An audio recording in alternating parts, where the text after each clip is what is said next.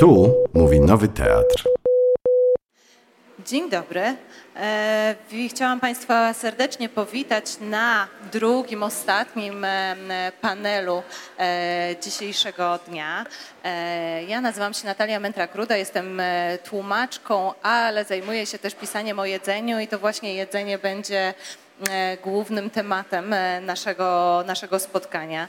E, spotkania, które, które nazwaliśmy Smak między słowami i mam przed sobą trzy wspaniałe gościnie, które o tym jedzeniu i tłumaczeniu będą mówić. Są z nami pani Paulina Ciucka. Dzień dobry. Tłumaczka, filolożka, lituanistka, absolwentka bałtystyki na Uniwersytecie Warszawskim oraz studiów lituanistycznych na Uniwersytecie Wileńskim, tłumaczka między innymi głośnej powieści Mam na imię Marytę, ale też tłumaczka poezji e, litewskiej i popularyzatorka kultury, kultury litewskiej w Polsce.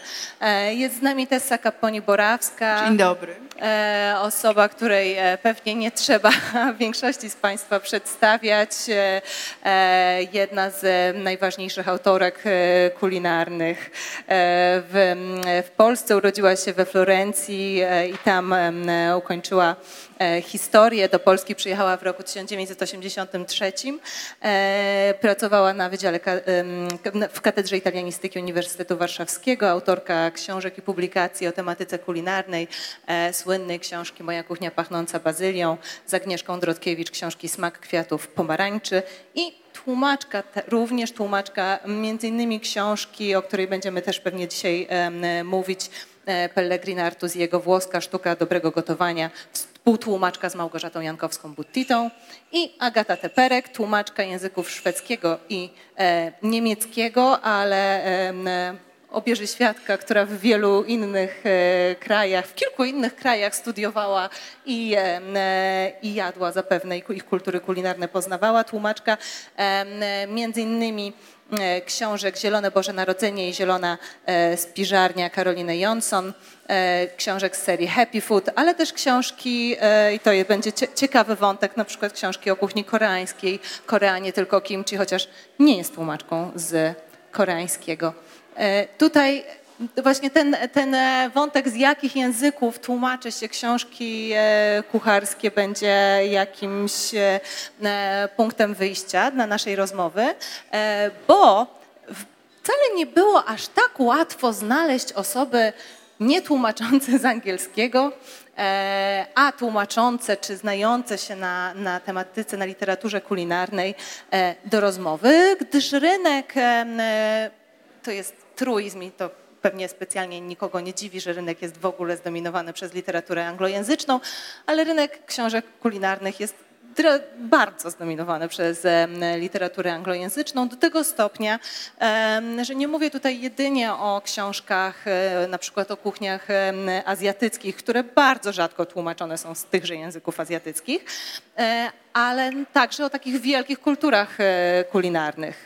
Masowy czytelnik kuchnię francuską poznaje dzięki Julie Child, poznaje stosunkowo najbardziej znaną kuchnię włoską, ale bardzo często poznaje ją gdzieś przez Jamie'ego Oliviera czy przez Nigella Lawson.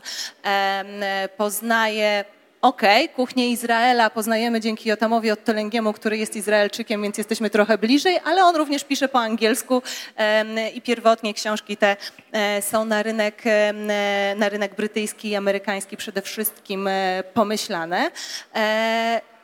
Nie wspominając właśnie, właśnie o... Ja przetłumaczyłam ostatnio książkę o kuchni japońskiej, oczywiście napisaną przez Amerykanina, który bardzo chciałby być Japończykiem.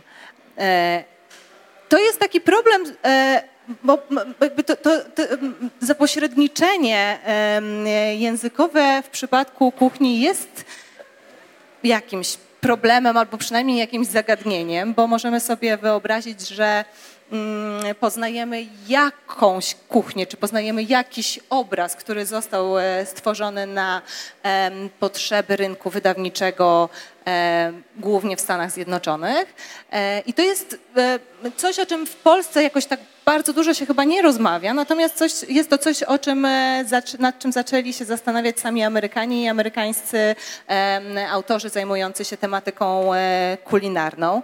E, kiedy zaczęli sobie zadawać pytanie, czy nie mogłoby być tak, czy to nie mógłby być taki szalony pomysł, żeby na przykład następnym razem w New York Timesie zamieścić przepis na mapo tofu, który zostałby napisany po mandaryńsku i przetłumaczony na angielski, a nie napisany od razu po angielsku. Albo no nawet na tę bolognese, jakby tak zacząć od tego, że ktoś zrobi, po, po, po pierwsze już wtedy nie będzie to bolognese, to już jest os, osobna kwestia, ale powiedzmy, że na to ragu e, wziąć e, włoski przepis i przetłumaczyć go dopiero na angielski. E, taka autorka kulinarna Alice Kennedy napisała, że być może warto byłoby e, proces tłumaczenia w ogóle włączyć w refleksję nad kuchnią, i, bo tak często mówi się o tym, że kuchnia powinna łączyć ludzi e, i że wszyscy jemy, więc to jest coś takiego, co nas wszystkich e, jakoś, e, co jest tematem, który nas wszystkich interesuje, no ale potem okazuje się, że, że niby nas to łączy, ale zawsze jest jakoś zapośredniczone i jest stworzone w pewnym określonym kręgu kulturowym, nawet jeżeli nam się wydaje, że tak nie jest. E, to jest taki trochę punkt wyjścia do zastanowienia się, bo to jest e, fajne. Ja akurat o kuchni rzeczywiście tłumaczę z angielskiego i na angielski, a cieszę się, że mam tutaj osoby, które, które mają doświadczenie z innych języków. E, I chciałabym zacząć od tego, ponieważ przed chwilą mieliśmy panel o, latach 90., więc chciałabym zacząć od Tessy, która w latach 90. zaczęła przybliżać nam włoską kuchnię. Jak strategie pisarskie i tłumaczeniowe twoje, kiedy o kuchni włoskiej e, piszesz, zmieniły się mm, raz z tym, jak zmieniała się świadomość włoskiej kuchni, ale też pewnie jakaś świadomość językowa e, wśród Polaków. No i mm, ja chyba zaczynam od to, co się działo wtedy w mojej głowie. Jak y, napisałam moją kuchnię pachnącą bazylią, która była zbiór y, właściwie tych małych felietonów, które zaczęłam pisać dla Gazety Wyborczej w 1991 roku, były interesujące. Mój, mój, język polski wtedy, y, tak jak teraz, nie było daleko od być perfekcyjny. E, I ja pamiętam, że y, y, pierwsze felietony napisałam czysto po włosku i były tłumaczone przez tego świętego człowieka, czyli mój mąż. E, który chciał też trochę dodać od siebie to, co ja miałam na myśli. Ja nie wiem, co on myślał, że ja miałam na myśli, ale dodawał. I, i, i potem, jak czas minął i, i, i do tej pory, to, co ja piszę, ja staram się pisać po polsku, które mi wychodzi w tej chwili znacznie lepiej niż pisać po włosku, e, myśląc cały czas po włosku. Więc mam y, y, takie y, tak zwane tłumaczenie nie konsekutywne, tylko... E, Symultaniczne. Tak. I, I, to stwarza bardzo, bardzo interesujące rzeczy na poziomie kulinarnym E, ponieważ czasami ja zapominam, e, jakie słowo po włosku, bo mi się bardziej kojarzy po polsku. Szczególnie jeśli chodzi o czynności e, konkretne, bardziej niż produktów. Jak ja zaczynałam, trzeba było tłumaczyć najprostsze rzeczy.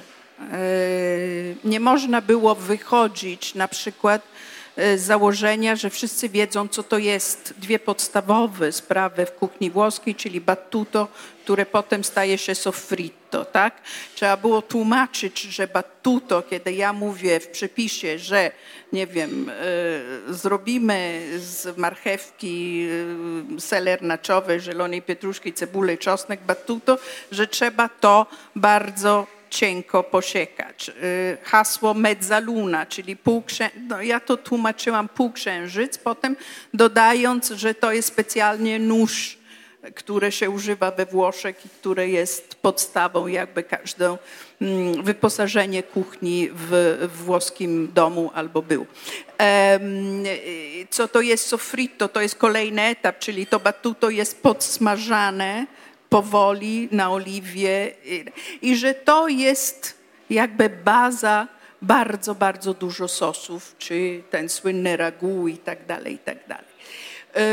Jak zabraliśmy się z e, Małgoszą Butitą, żeby tłumaczyć Artuziego, e, mieliśmy ten problem właśnie. To było wiele, wiele lat później niż lata 90., ale stykaliśmy się z tym problemem, jak będziemy to rozwiązywać, bo Artuzi w każdej chwili, e, w każdym przepisie używa słowo battuto, sofrito i tak dalej, i tak.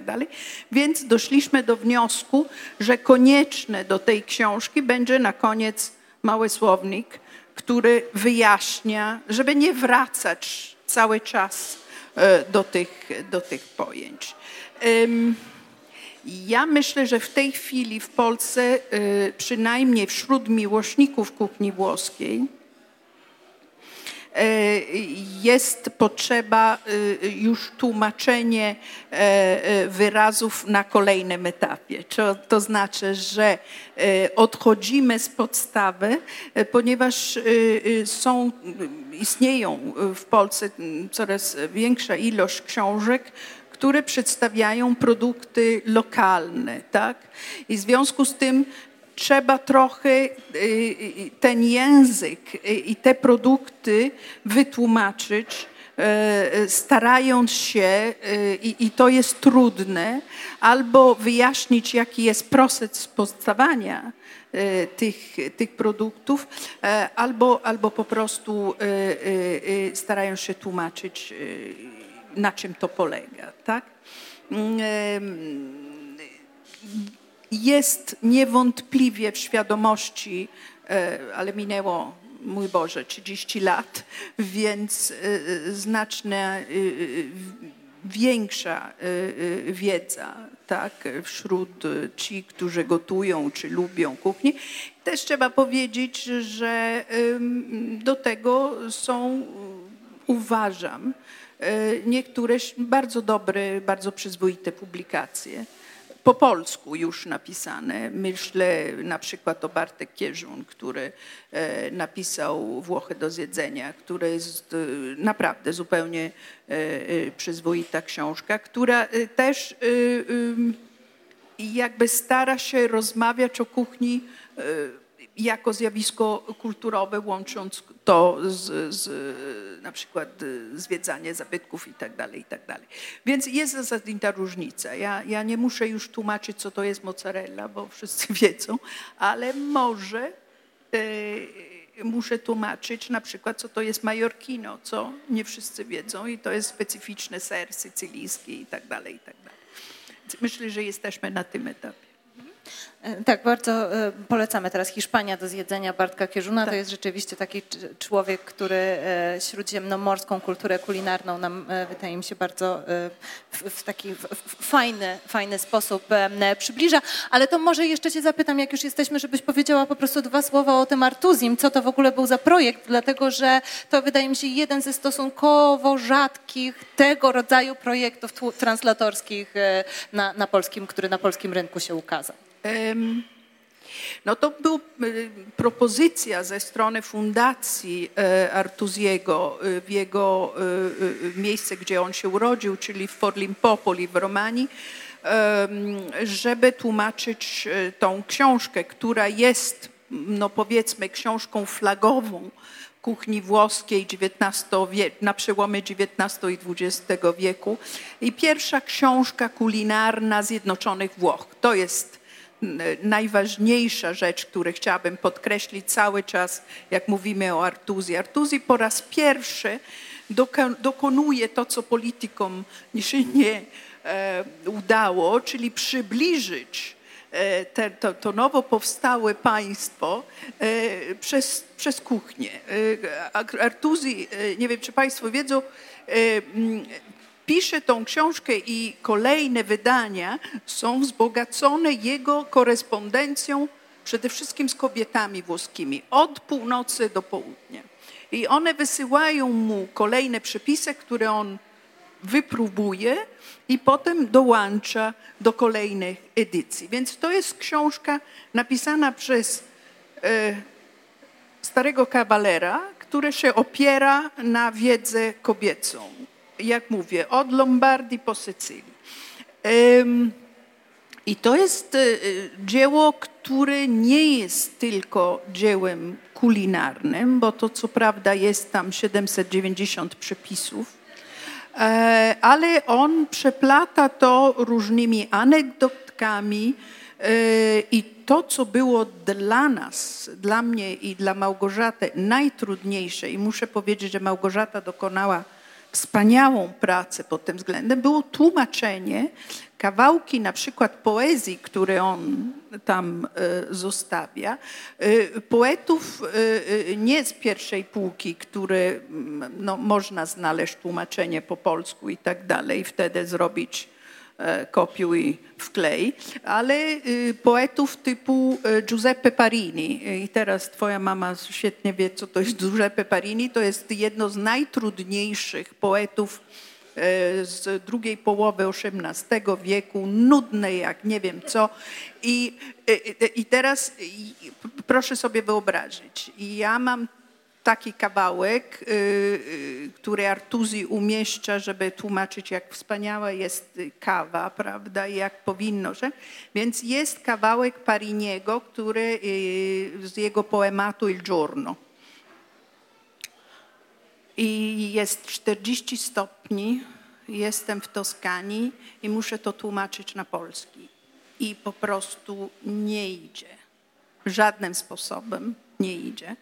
Też, bo muszę się starać, ponieważ przyjęliśmy taką zasadę z Małgorzatą, że tłumaczymy tą książkę w języku artuzim, czyli to, ten, ten włoski XIX-wieczny tłumaczymy na polski stylu XIX wieku, tak?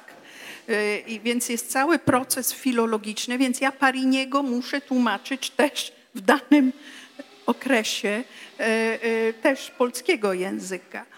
I Małgorzacie się udało. Ja po prostu tłumaczyłam to e, w sposób współczesny, a ona to zrewidowała. Kolejne było Francesco Redi i idziemy jeszcze dalej wstecz, bo to jest XVII wiek i też bardzo trudne.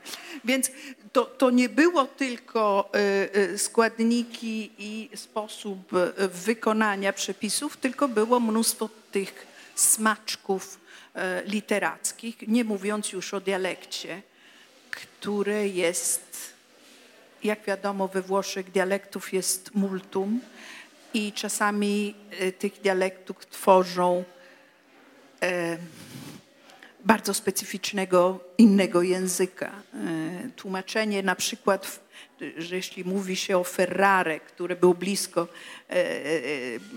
bliskiemu sercu Artuziemu, to jest miasto we Włoszech, gdzie ten język jest zupełnie dla nas nie z Ferrari, niezrozumiały. Tak? E, oni, żeby powiedzieć szpital, mm, które ospedale po włosku, coś po polsku, mówią luzdal. I teraz, no, to też trzeba brać pod uwagę. Tak? Więc e, cała złożoność e, języka włoskiego i dialekty i to, co jest to, co się znajduje w tej książce. No to e, wyjątkowa i jakby bardzo, bardzo rzeczywiście ciekawa translatorska praca i też jakby ciekawy ten wybór tłumaczenia z XIX-wiecznego na XIX-wieczny język. Ale powiedzmy, że kuchnia włoska, nawet jeżeli pobieżnie i nawet jeżeli współcześnie, jest kuchnią, która jest znana.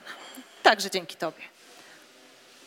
A co jest na przykład z takim naszym bliskim sąsiadem, z którym łączy nas niesamowicie wiele lat historii, e, który również e, również historii kulinarnej, bardzo silnie historii kulinarnej. E, można powiedzieć, że taki kanon, historycy kulinariów w każdym razie tak twierdzą, że taki kanon kuchni polskiej to jest Pan Tadeusz. Dużo z rzeczy, które są w Panu Tadeuszu, ta, ta kuchnia polska, którą sobie Mickiewicz tworzy, czy wymyśla i do której powraca, e, bigosy, grzyby, e, kisiele i różne takie rzeczy. To jest gdzieś e, wspólne dziedzictwo nasze i Litwy. Ale w jakich sytuacjach, czy, czy, w ogóle, czy my coś wiemy o kuchni litewskiej? Czy nam się wydaje, że coś wiemy o kuchni litewskiej? Czy to jest to, co e, te pierwsze polskie skojarzenia nie wiem ile ich mamy, no chłodnik litewski, kartacze, może coś jeszcze, chleb e, litewski, chociaż też nie wiem na ile to jest powszechna wiedza. E, jak pani by oceniła naszą wiedzę na temat kuchni litewskiej i w jakich sytuacjach, bo to też jakby jest, jest dla mnie interesujące, w ogóle tłumaczce języka litewskiego zdarza się coś tłumaczyć o kuchni? Mhm. Szerokie bardzo pytanie. Może zacznę od tego, jak postrzegamy my Polacy kuchnię litewską. Myślę, że dosyć stereotypowo, e, ale w tych e, stereotypach znajdziemy rzeczywiście dużo konkretnej wiedzy. To, co Pani wymieniła, te przykładowe potrawy, czyli właśnie kartacze, chłodnik, e, no, to są te potrawy, które, które znamy od lat. One rzeczywiście funkcjonują w, takim, w takiej tradycyjnej kuchni litewskiej, chociaż ostatnimi czasy Litwa też się otwiera na nowe mody, nowe trendy i jeśli dzisiaj wybierzemy się do jakiejś restauracji, restauracji e, wileńskiej, no to tam przede wszystkim e, zetkniemy się już e, z daniami kuchni fusion bardziej. Są też oczywiście takie nowinki wprowadzane do tradycyjnej kuchni, na przykład powrót do ziół, znanych i popularnych też w naszym, w ogóle w naszym regionie, nie tylko na Litwie, na przykład już nie klasycznym, ale takim nowatorskim deserem będą lody z pokrzywy. Pokrzywa to jest y, y, roślina, z której kiedyś no co, gotowano zupę, tak? I to była taka potrawa biednych, a teraz y, to już zaczyna być takie mm, danie, jak te wymienione właśnie przykładowe przeze mnie lody, mm, takie danie mm, no, trącące pewną lukratywnością, jeśli chodzi rzeczywiście o popisy e, szefów kuchni w e, restauracjach. Natomiast wracając do tej tradycyjnej kuchni, rzeczywiście postrzegamy ją trochę przez pryzmat y, pana Tadeusza, bardzo słusznie. Natomiast y, sam Mickiewicz też, y, on znał się na kuchni litewskiej i sięgał w swoim dziele do pozycji, która jakby mm, kształtowała też nasze przekonanie jako społeczeństwa i polskiego i litewskiego o kuchni i to był kucharz doskonały. E, napisany w XVII wieku przez e, Stanisława Żółkiewskiego. To była książka, która, on ją wymienia z tytułu, tak ona wcześniej funkcjonowała pod innymi tytułami, ale Mickiewicz wymienia ją z tytułu Kucharz Doskonały i tam rzeczywiście te odniesienia e, są. Funkcjonowała w takim obiegu, można powiedzieć, prawie dwa wieki, dopóki za pisanie o kulinariach nie zabrały się kobiety.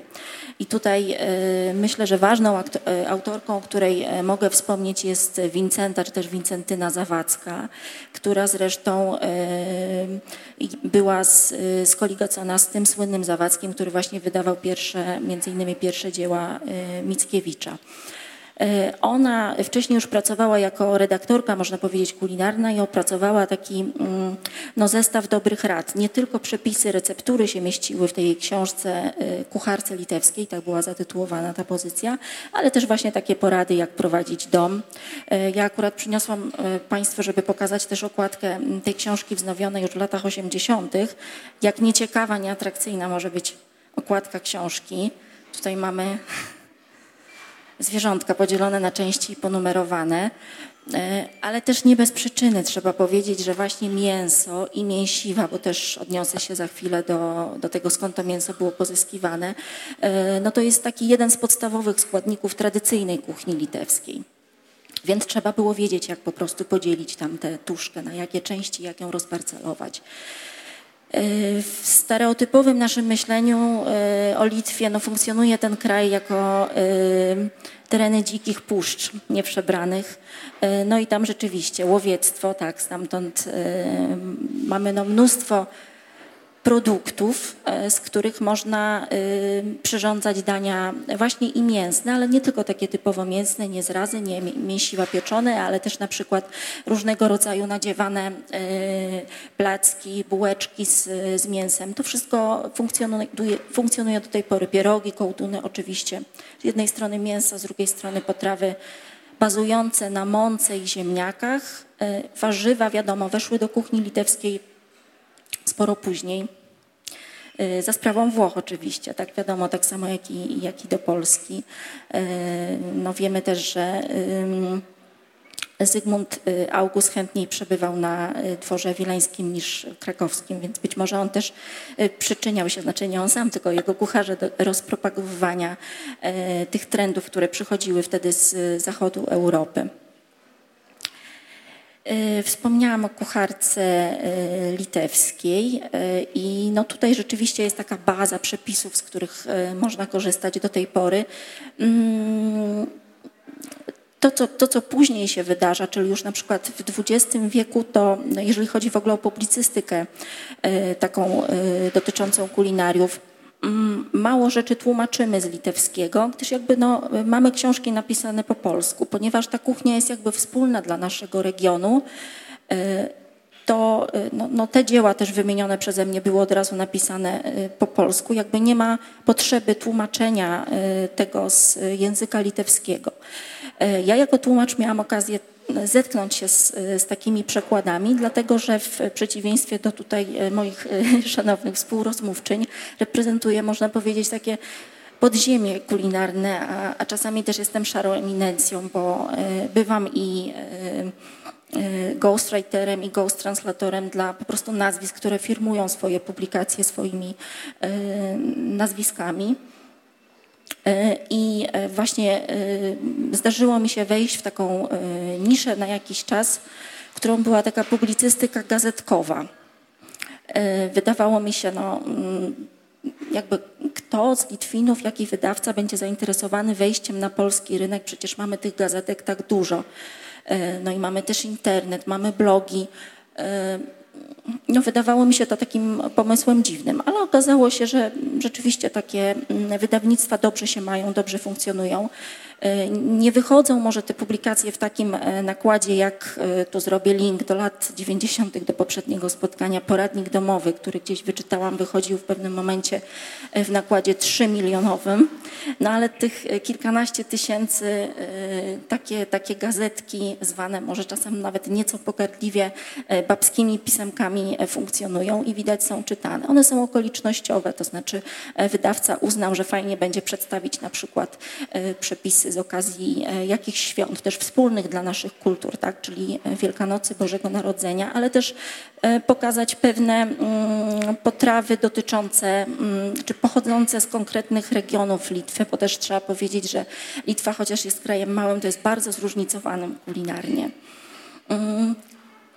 Tutaj wspomniałam o takim szerokim dostępie na przykład do mięsa, do zwierzyny w dawnych czasach ale jeżeli chodzi już e, o uprawę, to nie wszędzie było tak różowo. Na przykład Zukija, zwana też Dajnawą, e, była raczej ubogim e, regionem. Tam nawet ukuło się takie powiedzenie, że gdyby nie grzyby i jagody, to dziewczęta dzukijskie chodziłyby gołe, bo po prostu nie było jakby mm, z czego się wyżywić. Tak ta ziemia y, raczej piaskowa oferowała no, mm, co najwyżej tylko grykę.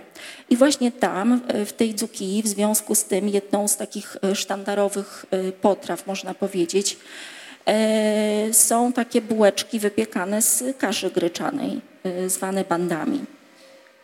Także takich e, no, regionalizmów e, znajdzie się i więcej. Cepeliny, e, chyba jedno z najbardziej rozpoznawalnych dań w Małej Litwie, czyli bliżej morza, można znaleźć w wersji z nadzieniem rybnym jak najbardziej, czemu nie. Bardzo jest ciekawe. Jeszcze, jeszcze od razu mi się skojarzyło też a propos tej, tego panowania e, kultury amerykańskiej i jej odkrywania różnych rzeczy, e, które my znamy od dawna, właśnie ta pokrzywa, która teraz jest hitem. Ona jest teraz hitem na blogach i na Instagramie, bo to jest takie, przecież nikt nigdy w życiu tego nie zerwał i nie zjadł jeszcze, mówią amerykańscy blogerzy. Też zawsze mam takie skojarzenie, kiedy piszę o kuchni polskiej do, do, po angielsku właśnie dla, dla czytelników anglojęzycznych, że te ich wszystkie odkrycia kiszenia, tak, kefiru. Kefiru, który przecież, no nie to przecież że u nas, ale i w Turcji, cała wschodnia, e, wschodnia Europa e, ten jarmuż, który w ostatnich latach też odkryli, że można jeść. To jest, to jest rzeczywiście bardzo ciekawe, więc tutaj pokrzywa, ja też znałam tylko zupę, ale desery są ekstra. A druga rzecz, która, która e, tutaj się będzie ładnie urymowała z tymi kawałkami mięsa okładkowymi, które notabene są jedną ze, e, nie wiem czy, czy Agata też się ze mną zgodzisz, z mur tłumaczy, bo one różnie się rozkłada tak, prawda? W różnych krajach się tak, różnie tak, rozkłada, tak. nigdy nie można od nazw odpowiedniej, od odpowiednich części zwierzęcia znaleźć. Ale jeszcze wspomnę o takiej książce a propos, a propos właśnie Litwy i zupełnie nie mięsa, tylko wręcz przeciwnie, bo to jest e, E, jako taki link też do, do, do mojego kolejnego pytania. Dietojarska kuchnia żydowska, kuchnia e, wegetariańska kuchnia e, żydowska, to jest autorstwa Fanny Lewando, czyli takiej przedwojennej kucharki, która w Wilnie miała swoją wegetariańską jadłodajnię.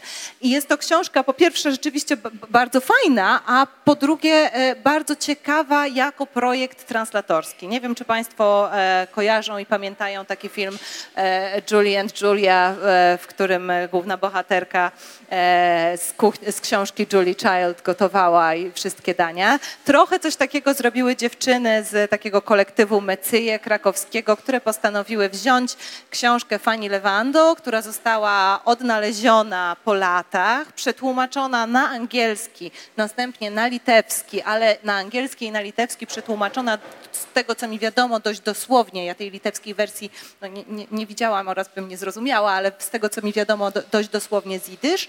I one postanowiły po prostu gotować z tego i zrobić z tego książkę kulinarną, jakby do, zupełnie odmienną strategię zastosowały niż wy w pewnym sensie. To znaczy one postanowiły to uwspółcześnić tak, żeby te przepisy można było robić. I się straszliwie namęczyły, bo oczywiście nie było no czego nie było? Nie było te, temperatury piekarnika, nie było rodzajów produktów takich, jakie mamy dzisiaj, nie było określonego, nie wiem, ilości tłuszczu e, w serze czy w śmietanie, e, kompletnie nie zgadzały się te czasy. One mówiły, że tych serników to po prostu 200 różnych napiekły, żeby wreszcie uzyskać ten, e, o który, e, o który mogło chodzić, ale ta, one, one miały taki pomysł, żeby zrobić książkę, który, z której się będzie dzisiaj e, dało gotować. I to mnie prowadzi do pytania, do zapytania ciebie, Agato, która tłumaczysz współczesne książki. Czy, czy gotujesz i sprawdzasz, czy te przepisy wychodzą? Znaczy to bywa różnie, to znaczy moja mama jest akurat, nie, moja mama nie je mięsa, więc ona głównie gotuje z tych książek, które tłumaczyłam. E, I też tłumaczę je w takich dziwnych sytuacjach, że nie zawsze mam możliwość gotowania. Akurat w tym roku e, miałam dość radykalną dietę przez dwa miesiące, kiedy tłumaczyłam książkę kucharską i mogłam iść właściwie tylko to klej. ciężkie. Znaczy, mam wrażenie, że mi to pomagało akurat, okay. bo e, miałam klejki i such chleb, więc tak siedziałam i tłumaczyłam i patrzyłam na te przepisy i było tak jakoś łatwiej to jeść. Ale no jeszcze z tamtej książki nie próbowałam gotować. Ale z tego, co moja mama gotowała, to wychodziło dobre. Chociaż e, jeśli ja gotuję, to akurat wolę chyba gotować z oryginału niż z tłumaczenia, przez to, że e, przeliczam, znaczy jest, jeśli tłumaczy się ze szwedzkiego, konieczne jest przeliczanie miar e, produktów, bo Szwedzi i też mm, Finowie na pewno mają zwyczaj podawania wszystkiego w decilitrach, więc jest na przykład 3 decylitry pieczarek, i ja to próbowałam przeliczać, ale jestem już tak przyzwyczajona do tego, że są te decylitry i wystarczy mieć taką miarkę z IKEA, że to jest decylitr, że to łatwo odmierzyć. I nawet jak próbuję to przeliczyć na szklanki, co jest najłatwiejszą, najłatwiejszym przelicznikiem, no to zawsze jednak ta szklanka nie jest równa szklance, zwłaszcza, że mam kubki w domu, a nie szklanki, więc jest e, trudniej. No tak, oczywiście to z, z, z amerykańskimi te, też tak jest. Oni... Prawda? Tak, jeszcze to pytanie też, prawda, kiedy kap to jest miara, kiedy kap to jest szklanka i ile ma ta szklanka, to jest tak. zawsze, zawsze to jest katastrofa. ale, mm, ale no właśnie, jakie, jakie to w sumie ka każdą e, z, z was mogę zapytać, jakie są najbardziej problematyczne w waszych e, językach e, produkty, przybory? Ja myślę, że to dzielenie mięso. E, e, we Włoszech to jest tak, że e, podziały mają swoje też nazwy regionalne, więc bardzo trudno jest czasami dopasować i najtrudniejsze jest to tłumaczenie po polsku, ponieważ dzielenie mięsa tutaj jest kompletnie inne niż, niż, niż we Włoszech. Więc jak się znajduje na przykład słowo scamone, które oznacza konkretną, konkretny kawałek wołowiny, to najpierw trzeba sprawdzić, czy to scamone napisane na przykład w rzymskim przepisie odpowiada do scamone z Lombardii, a potem dopiero zobaczyć, jak to jest najbliżej do kawałka mięsa y, dzielone w Polsce. I to okazuje się czasami absolutnie karkołomną, karkołomną sprawą, która też potrzebuje jakby osobny słownik. I to jest jedno z rzeczy, na które ja się najbardziej e, e, męczę, bo po prostu e, tak jak z tą miarą, tutaj funkcjonuje kompletnie, tak jak mówiłam, inne dzielenie mięsa. To w Szwecji też jest inne dzielenie mięsa akurat. Do, o tym się przekonałam właśnie tłumacząc kuchnię koreańską, że jakby nie zgadzały mi się części. Jak nie mogłam znaleźć bezpośredniego odpowiednika, to miałam dwie krowy na przykład do porównania. E, nie wiem, czy Państwo znają y, słynną bistykę la Fiorentina, tak? No to praktycznie rzecz biorąc, jedyną możliwe tłumaczenie w tej chwili to jest przybliżenie do T-bone steak amerykański. Ale to wcale nie o to chodzi. Ale musimy szukać coś, które coś, co będzie prawie że odpowiedni. Tak? E, to jest jeden z przykładów. Jakieś jeszcze Wam przychodzą do głowy produkty albo przybory, albo e, dla mnie produkty chyba nigdy nie były, e, nie sprawiały trudności w tłumaczeniu, natomiast zawsze taka no, wymagająca jest dla mnie praca redakcyjno-edycyjna, bo w tych przepisach zazwyczaj mm, pomieszane są na przykład miary i wagi, czyli coś jest nieprzeliczone na przykład na dekagramy, gramy, a jeżeli proszę na przykład o uściślenie y, y, autora czy zamawiającego, to zdarza się, że on czy ona sam źle przeliczy i później jakby jest e, problem i odkręcanie tego wszystkiego na nowo. Wiadomo, że kiedy się już wydaje jakąś spójną publikację, spójną całość, to też takie rzeczy muszą być e, ujednolicone. Tak też nie można scedować tego na redaktorkę czy na korektorkę na ten ostatni etap, jakby już na etapie tłumaczenia trzeba tego dopilnować. Więc e, no tutaj może taka niewielka żmudność. No i jakby przy dużym też nakładzie pracy mm, tłumaczenie przepisów jest troszeczkę monotonne po prostu, więc też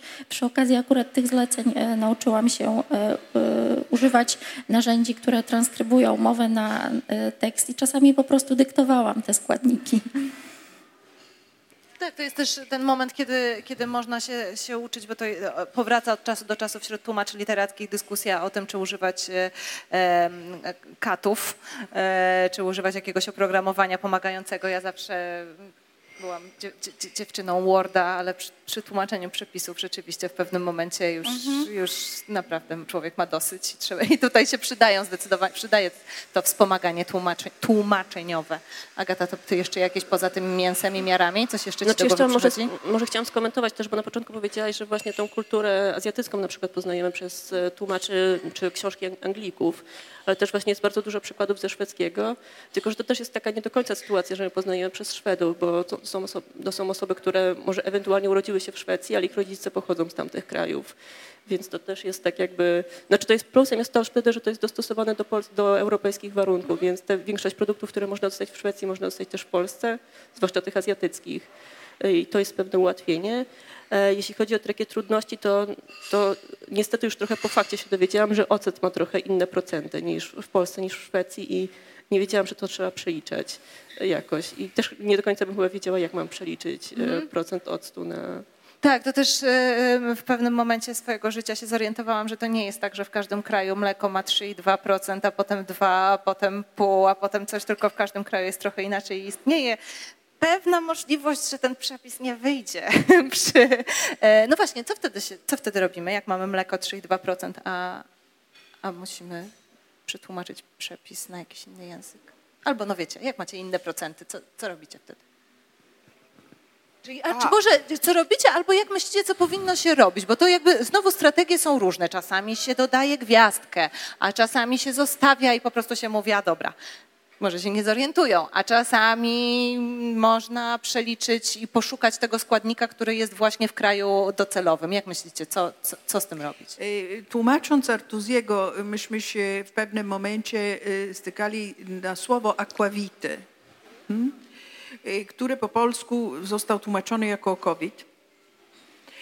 E, Ale musieliśmy dać przypis przy tym, że aquavite y, to jest bardzo specyficzna rzecz. Y, Podobna, można powiedzieć, do grappy. W związku z tym w przepisie polskim można by używać albo grappę, jeśli ma się dostęp, albo zwykłe spiritus.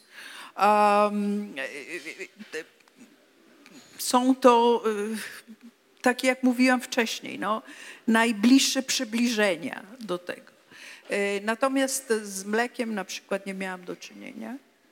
Y, I chyba też z winem nigdy, nigdy nie miałam taki problem.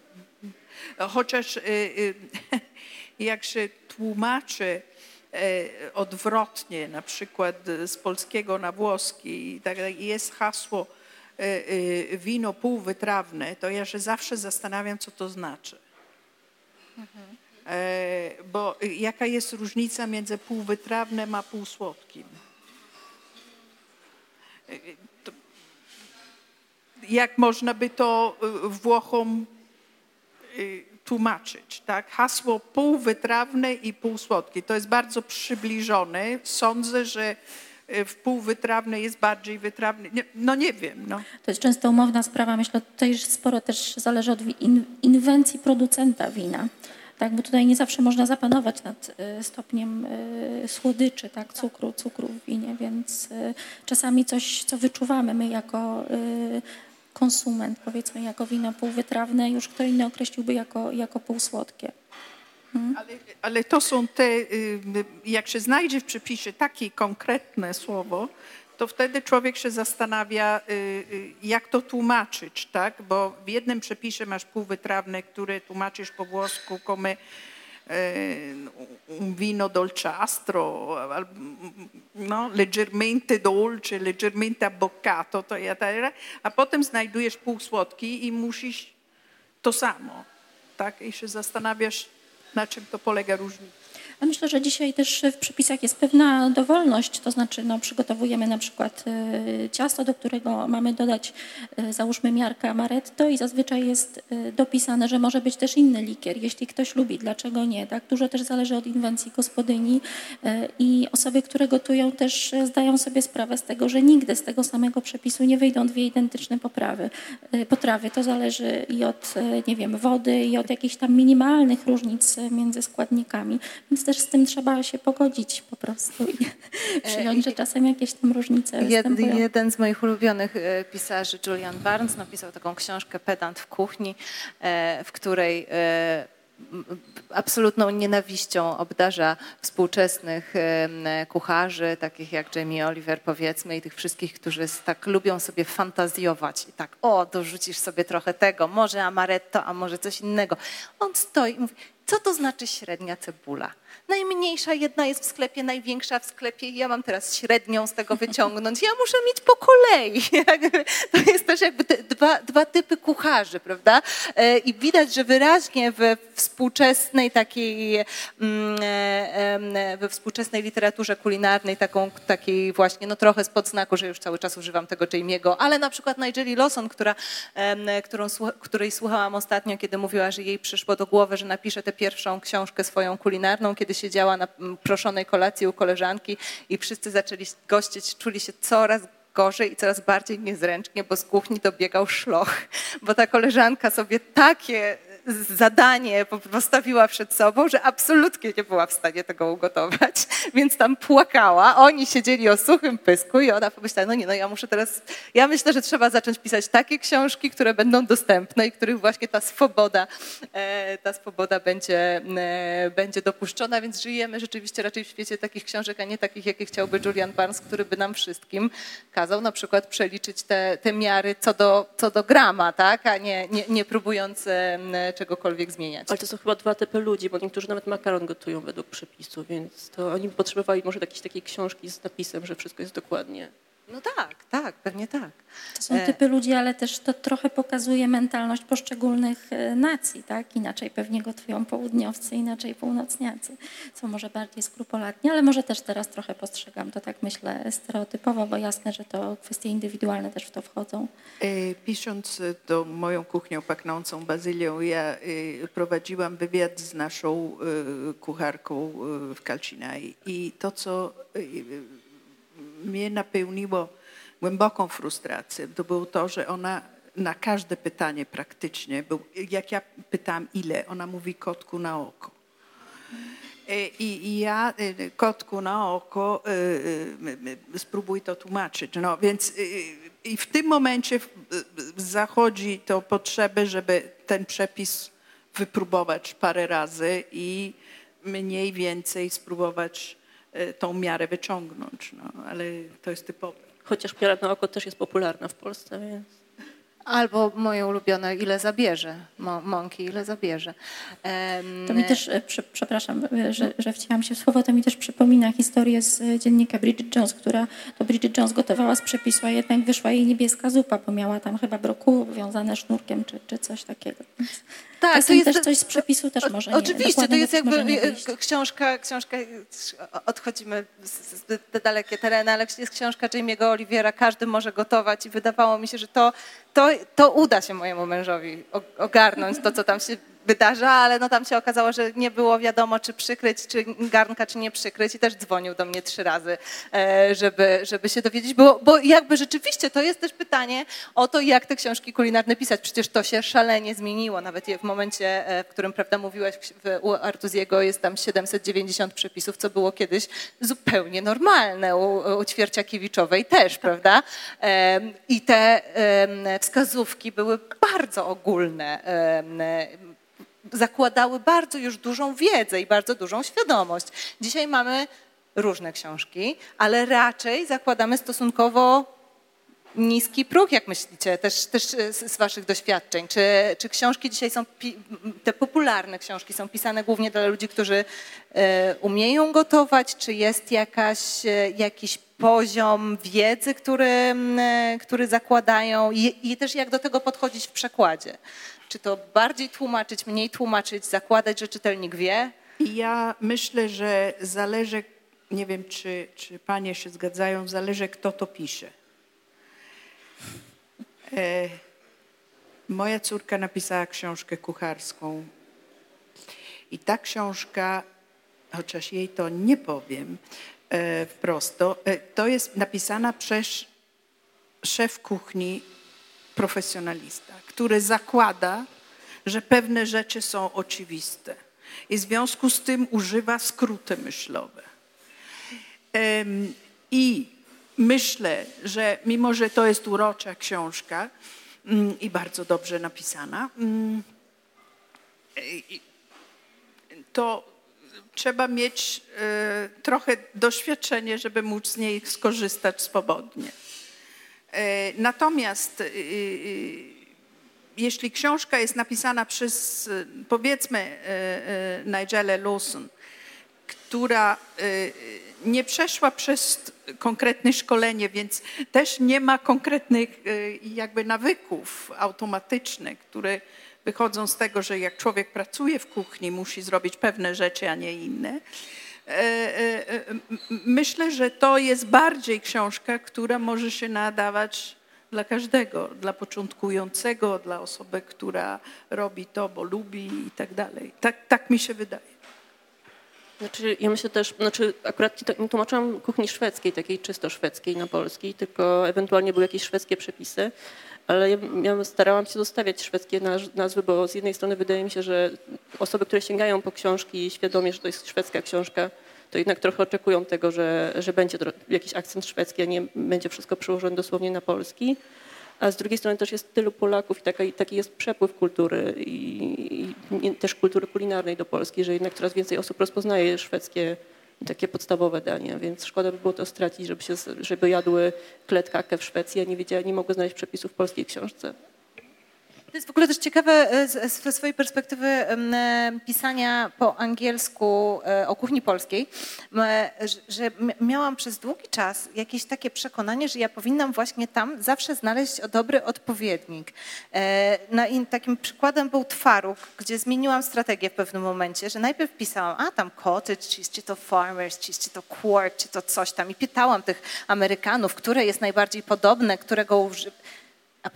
Czy Włosi piszą white cheese bowl, kiedy piszą o mozzarelli? No nie, no zachowują, to dlaczego my nie mamy zachowywać twarogu? Niech, niech się uczą, tak? Chociaż z twarogiem jest to problematyczne, bo wydaje mi się, że kilka lat temu był jakiś pomysł, żeby wprowadzić na szwedzki rynek do sklepów twaróg Aha. i zostało to mm, po prostu w polskim opakowaniu twaróg. Leżało to między halloumi a fetą i potem widziałam wpis na jakimś blogu, że ludzie się zastanawiali, jak mają to jeść, bo czy to jak będzie bardziej halloumi, czy bardziej feta. No właśnie, a przecież to tak samo dla nich obce pojęcia jak twaróg, tylko jakoś najwyraźniej e, dyplomacja kulinarna lepiej zadziałała w przypadku e, tamtych serów niż, e, niż w przypadku twarogu właśnie. Dobrze, ja chciałam zapytać w takim razie jeszcze, czy macie jakieś, teraz trochę jako tłumaczki, trochę jako e, osoby może go- gotujące cza- czasami albo e, czytające jakieś książki kucharskie, czy dostrzegacie w waszych językach, ale może też i w angielskim, no bo skoro już, już tak e, po- powiedzieliśmy, że, że tych książek z angielskiego tyle wychodzi, jakieś rzeczy, które was mm, jakieś takie albo błędy, albo rzeczy, które was bardzo denerwują, e, jakieś takie nieprzekładalności. Ja mogę, e, zacznę od swojego przykładu, na przykład, że z języka angielskiego bardzo często pojawia się w polskich przepisach takie zjawisko jak mąka samorosnąca. E, mąka samorosnąca, self-raising flour, czyli mąka, w której jest dodany już proszek do pieczenia. Paweł Brawo w którymś felietonie w Tygodniku Powszechnym to jest po prostu błąd. W książce kucharskiej nie można zostać przetłumaczyć self-raising flour na mąkę samorosnącą, bo książka kucharska ma służyć temu, że człowiek ma listę składników, idzie, kupuje. Nie ma czegoś takiego na polskich półkach, więc po prostu musisz co najmniej zrobić gwiazdkę i wytłumaczyć. Czy coś takiego wam przychodzi jeszcze do głowy? Y, A propos tej mąki samorosnącej, jak y, y, byłam redaktorem kulinarnym w L, pamiętam, że to był składnik, który się pojawił też w przepisach francuskich namiętnie. Ja to zawsze spróbowałam, to znaczy tłumaczyłam na ilość mąki, ile ten proszek do pieczenia i tak dalej, i tak dalej, bo nie można było powiedzieć, y, że 100 gramów mąki samo, samorosnącej. Czy są rzeczy, które mnie denerwują? Pewnie tak, e, ale w tej chwili mam pusto w głowie i nic mi nie przychodzi. E, e, c-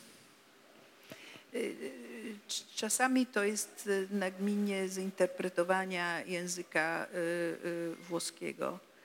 E, Na przykład jeśli chodzi o, o, o, o pewnych składnikach, które są tłumaczone w sposób tak, powiedziałabym, karkołomny, że mało z tego wynika po prostu. Ja rozumiem, że jest trudno,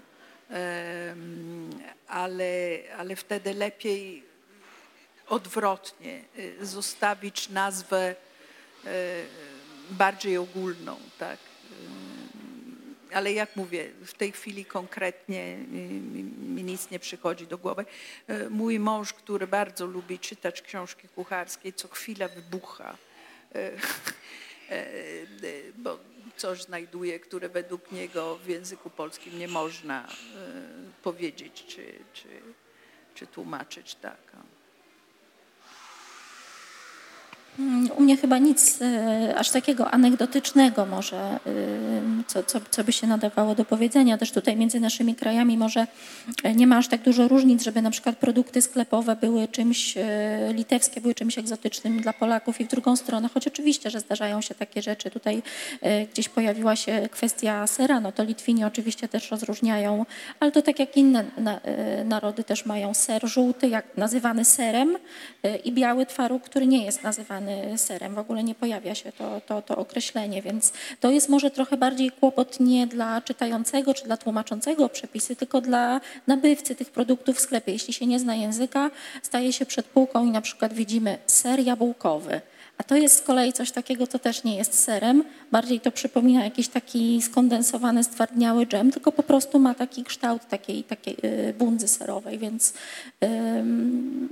no, no tutaj tak, y, ten język może rodzić tutaj właśnie problemy e, u, e, u kogoś, kto kupuje te produkty. Natomiast jeśli chodzi o tłumaczenie przepisów, nie, nie przypominam sobie, żeby mnie coś jakoś bardzo oburzało. Tak, ale seria bułkowe wprowadził mnie kiedyś w błąd. Zupełnie nie mogłam zrozumieć, o co, o co, o co no, chodzi. To jest taka konsternacja, tak? Poznajemy nowe. No. No, Jeszcze no, raz? No nie mostarda. Aha. Y, y, y, przykładu mostarda di cremona to trzeba tłumaczyć, że to są owoce w syropie z dużą ilością gorczycy, w związku z tym są słodko, bardzo pikantne. E, Nie słodko-kwaśne, tylko słodko-pikantne i nadają się do pewnego rodzaju wędlin czy mięsa i tak dalej. Tak? E, Ale nie można to tłumaczyć jako musztarda. Ale właśnie z musztardą jest trochę problem w Szwecji, bo oni mają chyba tylko dwa typy musztardy. My Mamy właśnie bardzo różne musztardy i to mam problem, żeby je dopasować odpowiednio. E, Też w Szwecji jest bardzo popularny syrop taki, to jest taka rodzaj melasy dodawany do, do pierników przede wszystkim na Boże Narodzenie. No i tego to, to po prostu stoi na półce między cukrem a cukrem pudrem w Szwecji w sklepie i no tego też nie ma, więc to chyba tłumaczyłam w końcu jako melasa, ale to też jest jakieś takie no nie do końca jasne, bo nie wiedziałam, gdzie mam kupić w Polsce melasę. E, Więc pewnie jakiś syrop klonowy albo coś e, jako zamiennik byłby fajny. Em, I jeszcze ser, bo też w Szwecji bardzo popularny jest Wester, Westerbotten ust. I to jest jakby najbardziej znany i najbardziej typowy szwedzki ser, którego w Polsce nie ma. Akurat inne szwedzkie sery można ewentualnie kupić w Ikea, a tego jednego nie ma. Przypomniała mi się jedna rzecz. Gira, czyli kwas chlebowy. Ponieważ on też doczekał się ostatnio takich e, innowacji, czyli na przykład robi się, to jest w ogóle napój na bazie e, chleba, drożdży, taki orzeźwiający, le- letni, można tam sobie dodać e, rodzynek na przykład. Są innowacje, na przykład gira z czarnych jagód. Tak, czyli z czegoś innego e, robiona niż tradycyjnie. Litwini załatwiają to jednym słowem.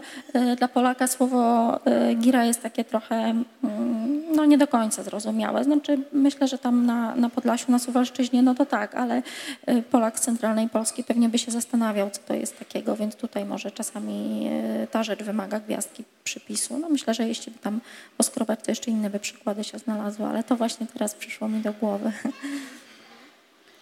E, Jakieś się zaczynają pojawiać e, głosy z sali, więc e, się zwrócę do, do niej z pytaniem, czy ktoś z Państwa ma jakieś pytanie, już refleksję, jakieś pojęcie, którego niepokoi lub ją. Jeszcze nie. Dobra, to ja jeszcze w takim razie zapytam, e, czy, czy, czy, bo ro- rozmawiamy o literaturze kulinarnej głównie, ale oczywiście problem z kuchnią w przekładzie pojawia się także w innych rodzajach literatury, w powieściach na przykład, gdzie kucharz, kucharz, tłumacz, tłumacz, kucharz e, często e, staje e, przed takim dylematem, klasycznym dylematem po prostu egzotyzacja czy udomowienie.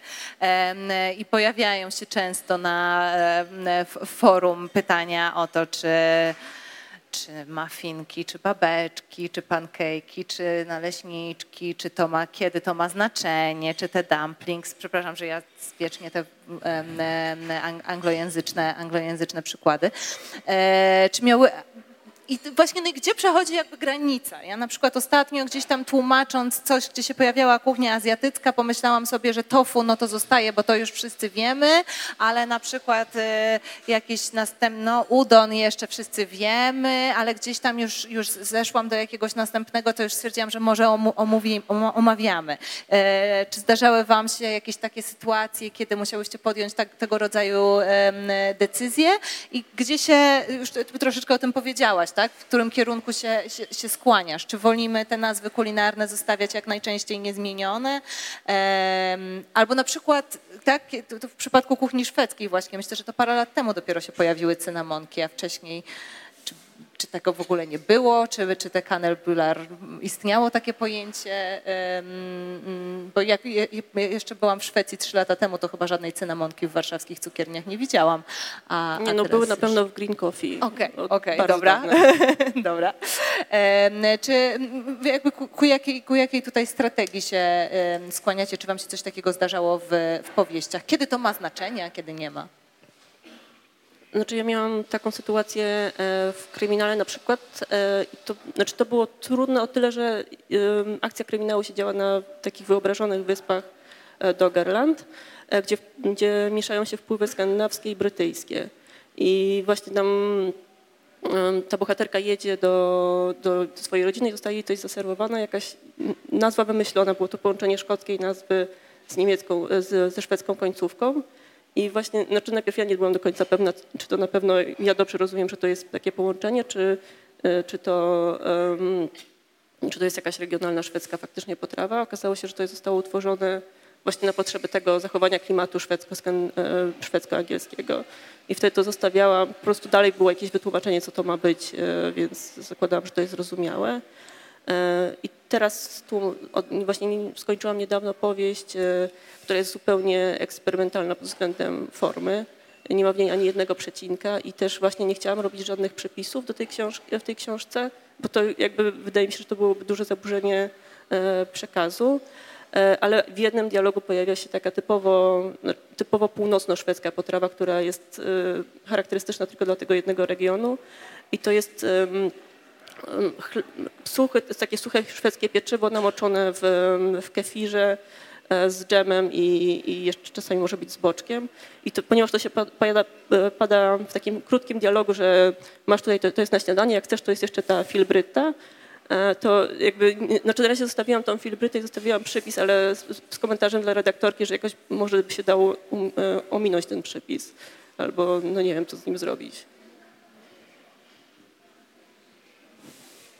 Ja nie tłumaczyłam nigdy nic poza książkami kulinarnymi, więc trudno mi się odnieść do tego. Y, mogę tylko powiedzieć, że, że w wypadku Artuziego myśmy postanowiły na przykład te wszystkie tytuły przepisów trzymać po, w oryginalnym języku i tylko dodać, to znaczy nie spróbować tylko tłumaczyć, dodać podobne tłumaczenie polskie pod spodem, ale żeby te mm, nazwy, e, że tak powiem, potraw trzymać w języku włoskim po prostu. Znaczy ja bym może miał jakiś taki postulat kiedyś tłumaczeniowy, że przydałaby się może wymowa tych nazw, bo jak, nie, nie mówię po włosku i jak idę do restauracji, to mam problem, żeby to, nie jestem pewna, jak mam to wymówić.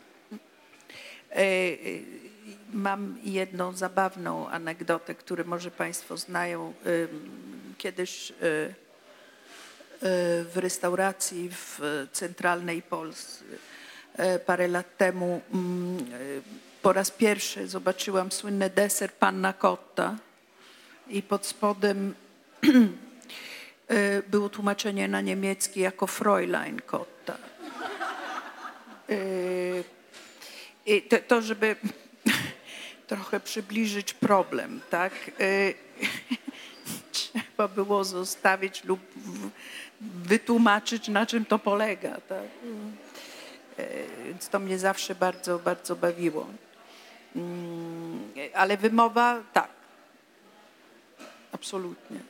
Tak, zwłaszcza, że w pewnym momencie, prawda, zwłaszcza tutaj w przypadku kuchni, e, kuchni włoskiej, to stało się takim no tak, że aż człowiekowi głupio, jak nie umiem, mimo że tak naprawdę nie, no, umówmy się, nie musi, prawda? Nie musi. Nie musi. Nie musi. Ale, ale ta, gdzieś ta wiedza się, się okazuje y, potrzebna, a ja się złapałam na tym i przestałam już w tym momencie zwracać na to uwagę, kiedy mi ktoś powiedział, że całe życie mówiłaś tortilla, to się mówi tortilla i ty już mówiłaś źle, a na we włoskim to nam zwracasz uwagę. No to teraz rzeczywiście zawsze się znajdzie y, znaczy, wiele języków, których nie znamy, więc nie ma się co sobie co żartować. Natomiast tak, rzeczywiście e, w, w, mogłyby się znaleźć, mogłyby się znaleźć wymowy, ale to jeszcze a propos tych e, tytułów, jeszcze prowadzi mnie do jeszcze jednego pytania a propos e, nazw, nazw znaczących określonych potraw.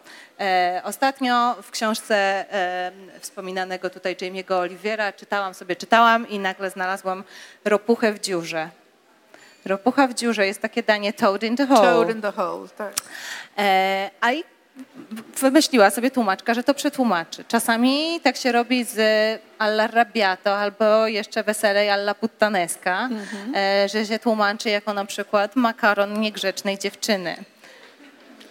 Delia Smith tłumaczy y, salsa alla puttanesca y, jako tart sauce, czyli dosłownie można powiedzieć, że tart is a tart y, i, i, i, i tak dalej. Więc w tym wypadku ja jestem, żeby powiedzieć penne alla, penne alla puttanesca i pod spodem powiedzieć, nie wiem, no makaron z sosem pomidorowym, z oliwkami i tak dalej, i tak dalej, bo, bo to co to jest też ta ropucha w żurze, no, no Jest też takie danie brytyjskie spotted dick, to też e, można mieć pewne, e, pe- pewne wątpliwości dotyczące tego, co z tym, e, co z tym dalej robić.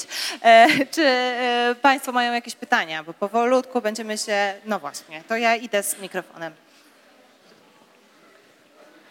Ja chciałam nawiązać do nazw produktów i zapytać na przykład o mozzarellę, która kupowana w Polsce no po prostu nie jest mozzarellą.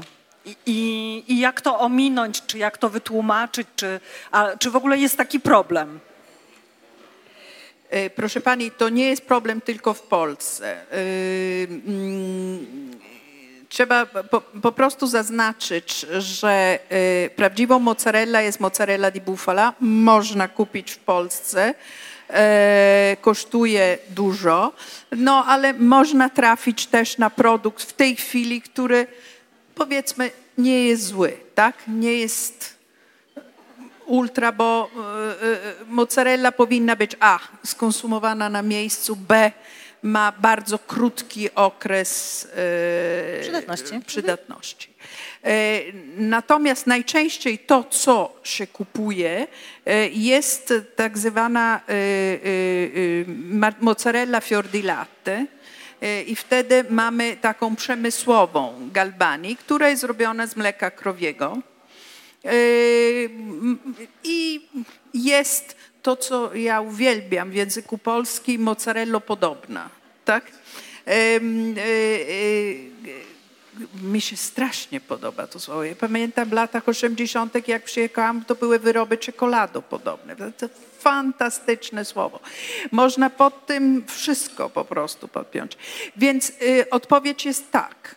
To jest, y, to znaczy proces zrobienia tego y, może być podobny do mozzarella di bufala, ale nigdy pani nie będzie miała tego konkretnego produktu. Dlatego y, producenci, na przykład mozzarella di bufala campana, mają specjalne znaczenie DOP, y, różne europejskie certyfikaty i tak. Ale trzeba wyjść z założenia, że pani nie znajdzie ten produkt. Y, Ja znam osobę, która w Londynie zrobiła interes swojego życia. Był to Włoch, który mm, codziennie samolotem wprowadził mozzarellę y, dokładnie z kampanii do Londynu i miał konkretne osoby, które to kupowały. No ale proszę sobie wyobrazić, za jaką cenę. No. To, to ja zawsze sugeruję, żeby na przykład do pizzy, powiem szczerze, mozzarella di bufala nie nadaje się, bo ona jest zbyt wodnista i nie wychodzi dobrze. Ta mozzarella, y, powiedzmy fior di latte, które można znaleźć w Polsce, świetnie się, bardziej się nadaje. Więc ja bym tutaj nie była, y, y, że tak powiem, em, tak bardzo e, surowa o, w trzymaniu się konkretnego przepisu. Mm?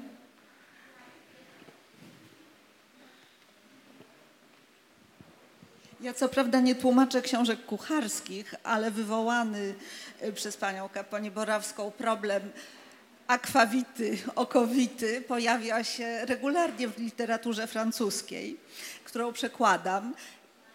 I wtedy na pewno nie chodzi o grappę, więc proszę mi pomóc. Y, Niektórzy mówią no bimber, ale to nie jest bimber. Ja próbowałam przecież odwi i, i absolutnie nie ma smaku. Bimbru to są mm, y, po prostu wódki robione legalnie czy nielegalnie, domowym sposobem, y, z mirabelek, y, z gruszki, y, z, ze śliwek i tak dalej. No ale nie mogę powiedzieć likier, bo to nie jest likier, tylko po prostu mocny alkohol. Nie, ja myślę, że w tym